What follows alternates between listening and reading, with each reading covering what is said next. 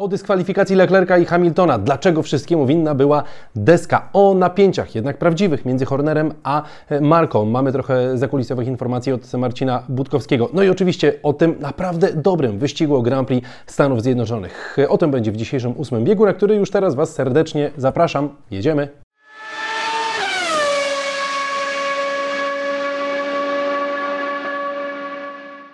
Działo się, mnóstwo się działo przez ten miniony weekend, więc mamy o czym e, rozmawiać. Zaczynamy od klasyfikacji generalnych. Tutaj sytuacja po tej dyskwalifikacji Hamiltona, do której za chwilę przejdę, zmieniła się diametralnie na korzyść Sergio Pereza. 39 punktów w tym momencie ma przewagi nad Brytyjczykiem. Ja już zacierałem rączki po wczorajszym e, wyścigu, że walkę będziemy mieli do samego końca o to drugie miejsce w generalce.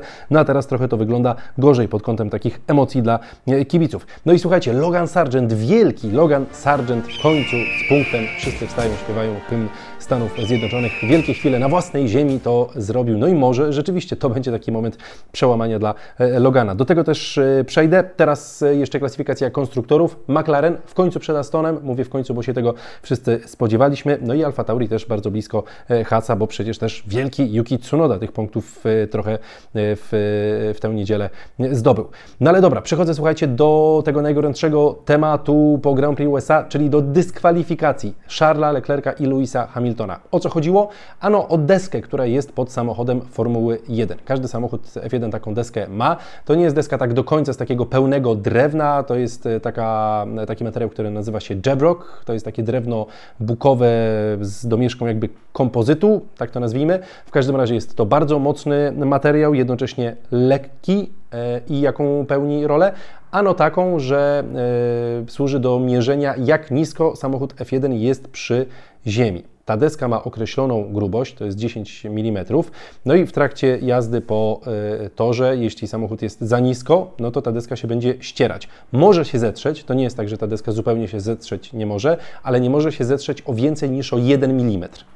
No i to jest później sprawdzane wyrywkowo, losowo po e, wyścigu. No i sprawdzono to u Hamiltona i Leclerca i okazało się, że starła się o więcej, e, więc e, dyskwalifikacja dla nich oczywista, bo za takie występki jest dyskwalifikacja. Pechowo to się ułożyło. Pytanie, jaki miało to wpływ na ich e, jazdę?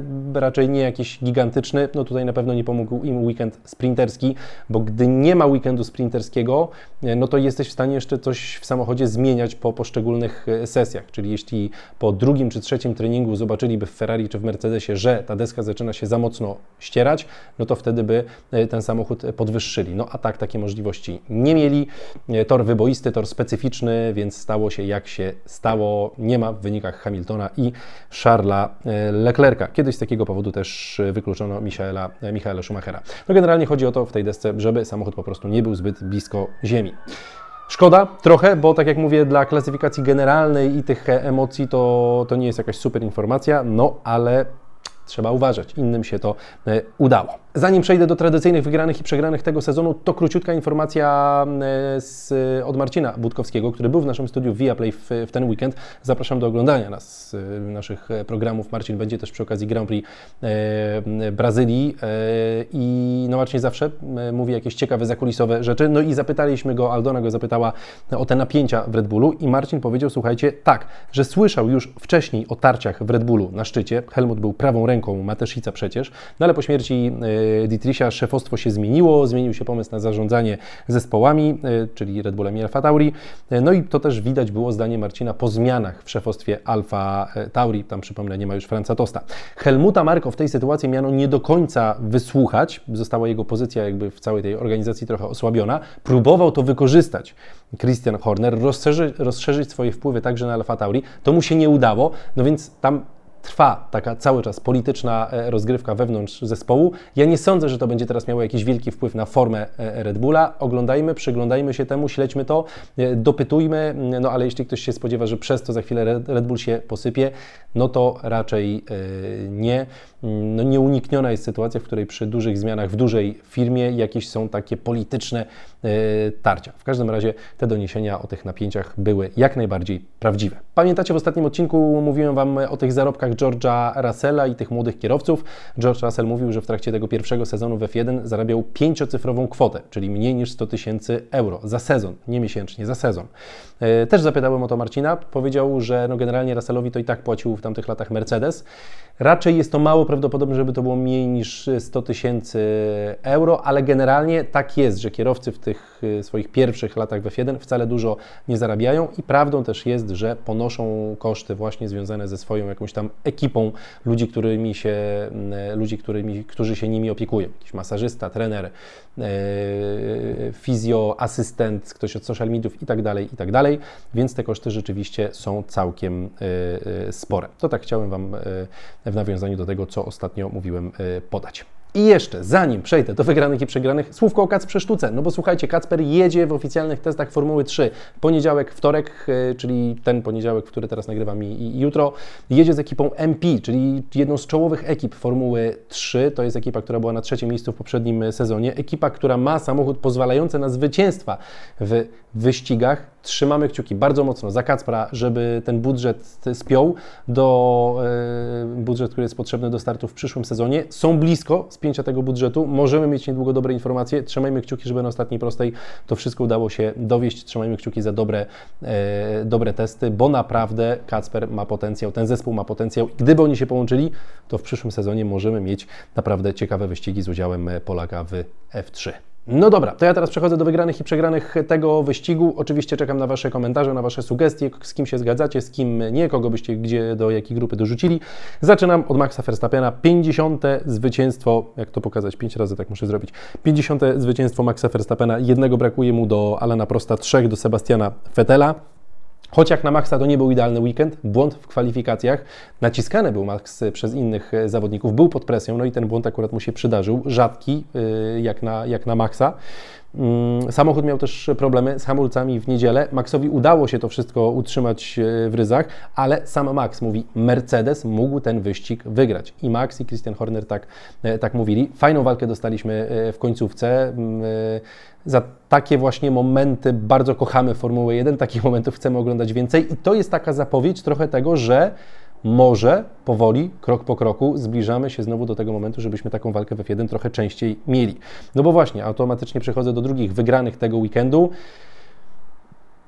Abstrahując od dyskwalifikacji, spójrzmy na razie na czyste tempo. Mm, Lewis Hamilton na wielu etapach tego wyścigu miał tempo porównywalne z Maxem Verstappenem. Gdyby nie strategia, gdyby nie pit stop, gdyby nie jego błąd z y, przyblokowaniem opony, ja wiem, że to jest dużo gdyby, ale tak naprawdę gdyby to jedno gdyby się nie wydarzyło, to on mógł ten wyścig wygrać. E, naprawdę. Mm, więc jest potencjał, to jest dobry prognostyk przed e, końcóweczką sezonu i przed sezonem kolejnym. Tak też Marcin Budkowski u nas na antenie twierdził. E, no i ważna rzecz, no Mercedes w ten weekend miał nową podłogę i George Russell i Lewis Hamilton bardzo optymistycznie o tej podłodze się wypowiadali. Mówili, że to naprawdę jest poprawka, która działa. Hamilton powiedział, że tak naprawdę to jest pierwsza poprawka, którą ja tak mocno odczuwam od dwóch lat i to jest duży e, pozytyw. Potrzebujemy jeszcze dwóch, trzech kroków, żebyśmy byli naprawdę super konkurencyjni, ale wierzę, że jesteśmy w stanie to zrobić. Zobaczcie, w jakim dołku był Mercedes, że zdaniem Hamiltona, który czasami troszkę dramatyzuje i czasami przesadza, ale jego zdaniem to jest jedna dopiero z dwóch poprawek, która tak naprawdę coś im mocnego daje. Więc y, trzymamy kciuki, oby e, tego Red Bulla dogonili. Do wygranych zaliczam jeszcze oczywiście Lando Norrisa, czwarte z rzędu podium w ostatnich dziewięciu wyścigach, sześć razy był Brytyjczyk na podium. Zabrakło trochę tempa na oponach e, twardych w końcówce, na tych zużytych twardych oponach, ale generalnie wielka klasa dla, mm, wielkie brawa dla Lando, wielka klasa pokazana w ten, w ten weekend. Jak zwykle zresztą no, po prostu McLaren jest ekipą ze ścisłej czołówki i to możemy ogłaszać wszemi wobec i powtarzać jak e, mantrę. Do wygranych, słuchajcie, tu teraz nieoczywiste nazwiska. Trzy najbardziej nieoczywiste nazwiska, jakie mogą znaleźć się w gronie wygranych. Uwaga, Yuki Tsunoda. Mocne, solidne punkty, dobry wyścig, wywalczone to najszybsze okrążenie w końcówce. Teraz jeszcze po dyskwalifikacjach przesunął nam się Yuki e, do, e, do góry, więc e, naprawdę w tych trudnych okolicznościach, bo wszedł Ricardo do, do zespołu, naciska mu tam na napięty Australijczyk, ale Yuki w ten weekend powiedział: Słuchaj, koleżko z Australii, ty się trzymaj na razie z daleka, bo ja robię swoją robotę i robię ją dobrze. I w ten weekend on zrobił naprawdę dobrą robotę. Rzadko go chwalimy. E, często to są takie weekendy trochę nijakie, a to był weekend po prostu świetny.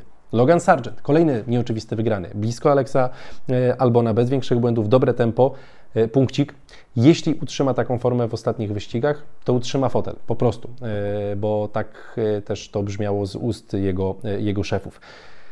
No i słuchajcie, do wygranych zaliczam też Lansa Strolla.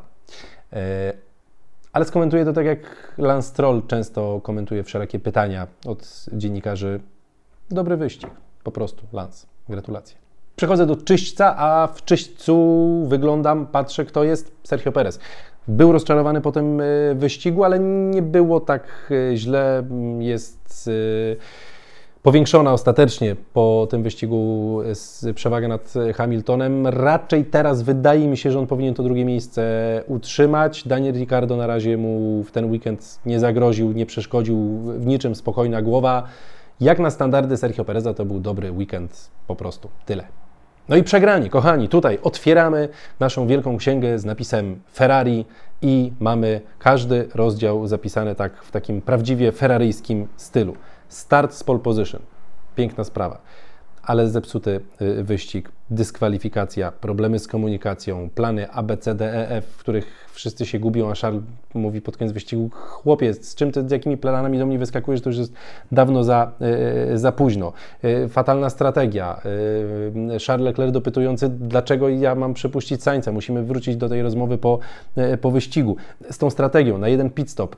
Pierre Gasly opowiadał bardzo ciekawie w rozmowie z William Buxtonem z F1 TV. Gasly mówi, słuchajcie, no podchodzi do mnie Leclerc przed wyścigiem i mówi, ty, a wy też na, na jeden pit stop jedziecie? Mu odpowiada, no nie no, stary w ogóle nie ma takiej opcji, jakby nie, no way. Jeszcze tam dodał takie przekleństwo, żeby to wzmocnić. E, no i powiedział Gasly, że mówi, trochę się zdziwiłem, zmieszałem, mówię, o co chodzi, no jaki jeden pit stop, dlaczego, w ogóle skąd oni to wzięli, może z naszymi liczbami coś jest nie tak, no ale nie, to było coś nie tak z liczbami, e, z liczbami Ferrari, więc e, no kompletnie zawalili ten, tę niedzielę tak naprawdę, jeśli chodzi o Charlesa Leclerca. U Carlosa Sainza to wyglądało przyzwoicie, wycisnął maksimum z tego, co się dało wycisnąć, jest na podium ostatecznie po tych dyskwalifikacjach, ale z Charlesem poszło wszystko nie tak. Super, że jest szybki w kwalifikacjach, to jest świetne i Charles jechał naprawdę dobry weekend, ja tu mówię bardziej o Ferrari, że po prostu zepsuli. Charles miał dobry weekend, super, że jest dobre tempo w kwalifikacjach, ale w Formule 1 nie chodzi o dobre tempo w kwalifikacjach, tylko o cały pakiet, a jego tutaj yy, zabrakło. No ale oczywiście za, ten, za te kwalki drobny plusik tutaj dla, yy, dla Charlesa. Do przegranych, no słuchajcie, Daniel Ricciardo no, musi tutaj yy, trafić. Uszkodzony samochód był, nie wiemy jeszcze do końca, co tam się z tym samochodem yy, stało, ale też fatalna strategia, słabe tempo w piątek, słaby po prostu weekend Daniela. Ja jednak mimo wszystko, trudne okoliczności, sprint, powrót po kontuzji, niepewność z tą, z tą ręką, jak to wszystko będzie działało, ale no oczekiwałem jednak czegoś więcej i w Meksyku też te oczekiwania wobec Daniela będę miał duże. No jeśli on ma być mocnym nazwiskiem w tej rodzinie Red Bulla, to po prostu musi tego Yukiego pokonywać albo co najmniej jeździć tak bardzo blisko jego poziomu, a tutaj jednak był e, o ten poziom niżej e, w wyścigu w, tym, w tej najważniejszej sesji w ten e, weekend. Do przegranych zaliczam George'a Russella, bo znaczy, to, to, była taka, to, to był taki nijaki też weekend dla, dla George'a. Wszystkie sesje przegrane z Hamiltonem, kwalifikacje, gorszy wyścig, wyścig, przegrany sprint, przegrane kwalifikacje do sprintu, kary jeszcze przecież wyłapane przez e, Georgia. Słabiutko, czasami nie, nie wchodzi się w weekend dobrze i to już później trwa przez kolejne dni. Tak było w przypadku e, Georgia. Zobaczymy, czy się odbije w Meksyku. No i do przegranych ekipa Hasa. Przywieźli nowy samochód, startowali z pit lane, tempo średnie więc muszą jeszcze z tym samochodem coś zrobić, bo na razie jakiejś wielkiej poprawy nie ma, ale mają czas, tak naprawdę to jest projekt bardziej na, na kolejny y, sezon. Ode mnie na dzisiaj to wszystko, czekam na Wasze y, komentarze, no i za parę dni przecież, kochani, kolejne wyścigi, kolejny oczywiście ósmy bieg. Do zobaczenia, cześć, cześć.